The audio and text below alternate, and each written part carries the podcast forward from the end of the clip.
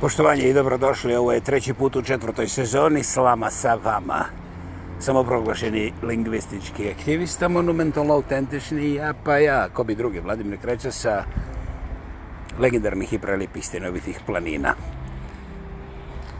Mi smo ovdje, ispod stenovitih planina, znači u Kravogradu, zagrizli debelo jesen, više to nije samo ono, znaš, september morning, dobro, nije ni decembar, ali jasno je da lišće ne samo da žuti, već masovno opada i to je to.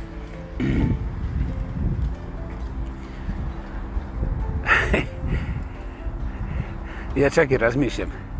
Naime, da li reći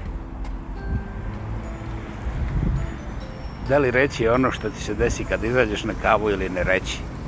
A ovaj, vidim tamo na Facebooku neke osobe koje su sigurno pismene, znate, jer eh, ako neko ima rećemo u džepu 70 godina i cijelog života živi na nekim prominentnim mjestima gdje se ne može živjeti ne samo bez para nego bez određenog obrazovanja dakle jasnog obrazovanja jeli? koliko god to moglo biti jasno ili ne biti, sada ne mogu da ulazim u detalje jer to je uvijek relativno svakdje. Međutim, kad neko ima obrazovanje sa toga gornjega vrha duže od 30, možda i 40 godina, pa onda još iskustvo u tome zanimanju, a onda, znate, ne možete pretpostaviti da se radi o kočijašu mislim, svaka čast kočijašima, ali ti akademski nekakvi dijelovi su ipak akademija. I kako god okraneš, nikada kočijaše neće optužiti za neke akademske stvari, kao što ni akademica neće obtužiti da eto ne zna od koga ti konje. Dakle, razumili ste. I sretnem je tako tu gospodu. I odmah počne piškenje uz vjetar. Ovaj, Naravno da ja nemam ništa protiv, kao što vidite, nisam ih identificirao, ali kao pa otkud ti ovdje? Dakle, šta ovakvi kao ja rade u Kravogradu, znaš, jer ja sam trebao davno da završim u Pržogrdzima ili vjerovatno u Gornjem Skrpovljićima, ali jebeš ga, to je bila njihova zamisao i validacija tih mojih kvalitetova koja se nije ostvarala i sad oni hoće znaš da se uvjeri jesam li ja to, to ja ili to to ja. Razumiješ ono, teško je sad odmah priznati da njihove oči vide ono čega se stide. A, to. čega se oni stide, pa to mene zanima. To su ovaj, ljudi koji su cijelog života živjeli u škatuli od svojih kasta koje su naučili od svojih mama i tata tamo na brdovitom Balkenjiku i oni mogu da završe 100 fakulteta i oni će uvijek biti betonirani na nivou naš seljaci, seljoberi i građanovi, razumiješ, a onda mi. A mi to znači najbolji, najveći, najglas... Mi, mi, ne, dobro, mislim, najveći, naj, najljepši, najljepši, da, najpametniji. Nas pitate za sve. Okej. Okay. I to je to, drage moje. Kako god okrenete. I...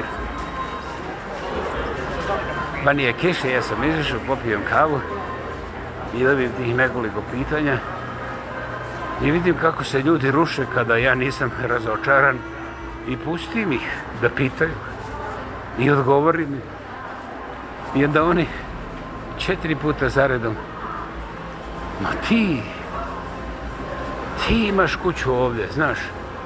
Ja kažem, evo ćete doći na kavu, znaš, kad je već peti put postavljeno isto pitanje. A, ne bi mi da te opterećujemo, znaš.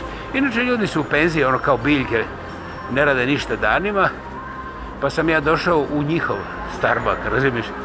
A zašto oni to razumiju da je njihov? Pa zato što oni nikad ne idu dva kilometra dalje od svoga stana. ovaj, I onda sve što posjećuju ta dva kilometra je njihovo a ovi ostali, znaš, pogotovo ti takozvani Balkenci, ako se pojavaju, što radiš ovdje, otkud ti ovdje? Mislim,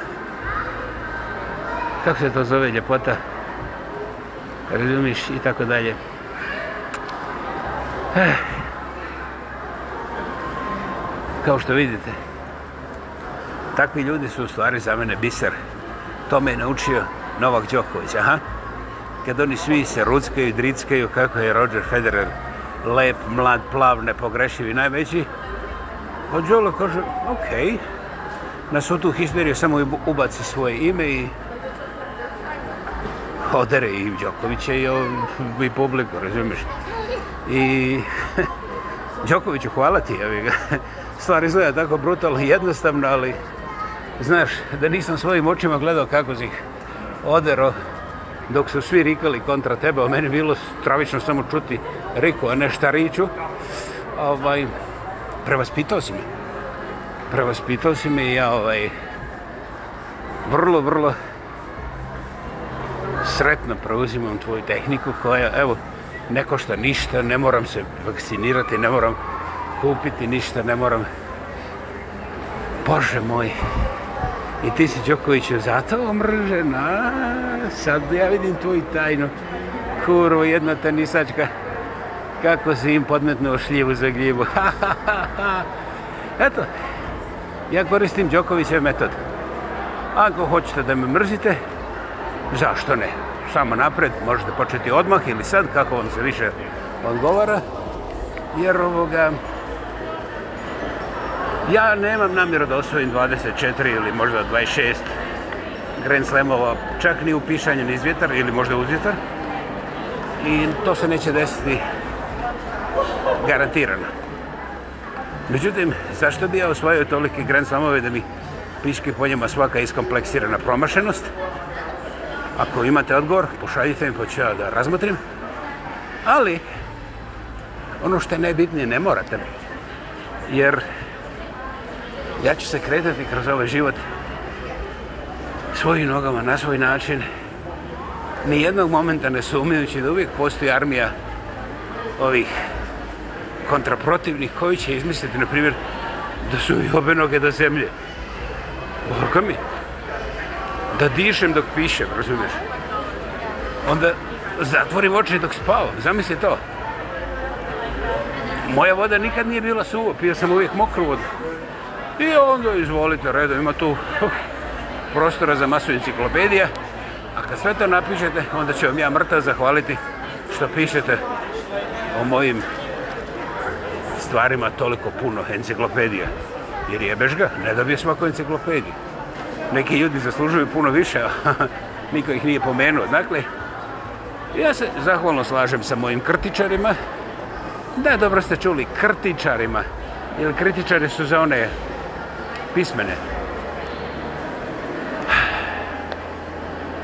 Kada ljudima dosadi da piške uz vjetar, ne znam, ali sam primijetio da uživaju tako čini mi se da, da hoće za ten da im je u licu masu te piške line, znaš, pa onda ih to gricka i onda oni u tom uživaju i onda ko zna šta dalje, razumiješ? Obližu usne, vjerovatno, zbog nečega. Ovaj, kako ovo zvuče? Pa to ovo zvuči senzacionalno e, poljoprivredno, da, da. I koliko se ja razumijem u poljoprivredu, dolazi ciklično i bez razloga. E, ne može se ukinuti zakonom, niti prijetnjama. Tako je kako je. Uzmi ili će ti biti nametnuto. Toliko sam ja naučio. Šta ste vi naučili? To je na ovom. To je na ovom. Eto. To je September morning u Kravogradu. I... Da. Danas će biti vrlo, vrlo kratak jer moram da napišem dosta toga. Slobodno mi zamerite, ali ovo je stvarno September morning u Kravogradu godine gospodnje 2023. ja ovo nisam planirao, ali čoveče, ne možeš pobjeći. Balkenjik Express ne spava nikada i to uvijek opa. Zato nisam iznenađen što imamo besmislene ratove koji uglavnom ubijaju najkvalitetnije među nama, a mi smo sa strane najškolovaniji i znamo ko navija za nas, a ko navija protiv nas. Ha, ha, ha, ha, kao da je to relevantno, ali nema veze. Dakle, da skratimo, bilo je ovo treći put u svojoj četvrtoj sezoni, slaba se vapa. Govorio je samo proglašeni lingvistički aktivista, monumentalno autentični, Ja pa ja, ko bi drugi. Vladimir kreće sa legendarnih i prelipih stinovitih planina. Hvala.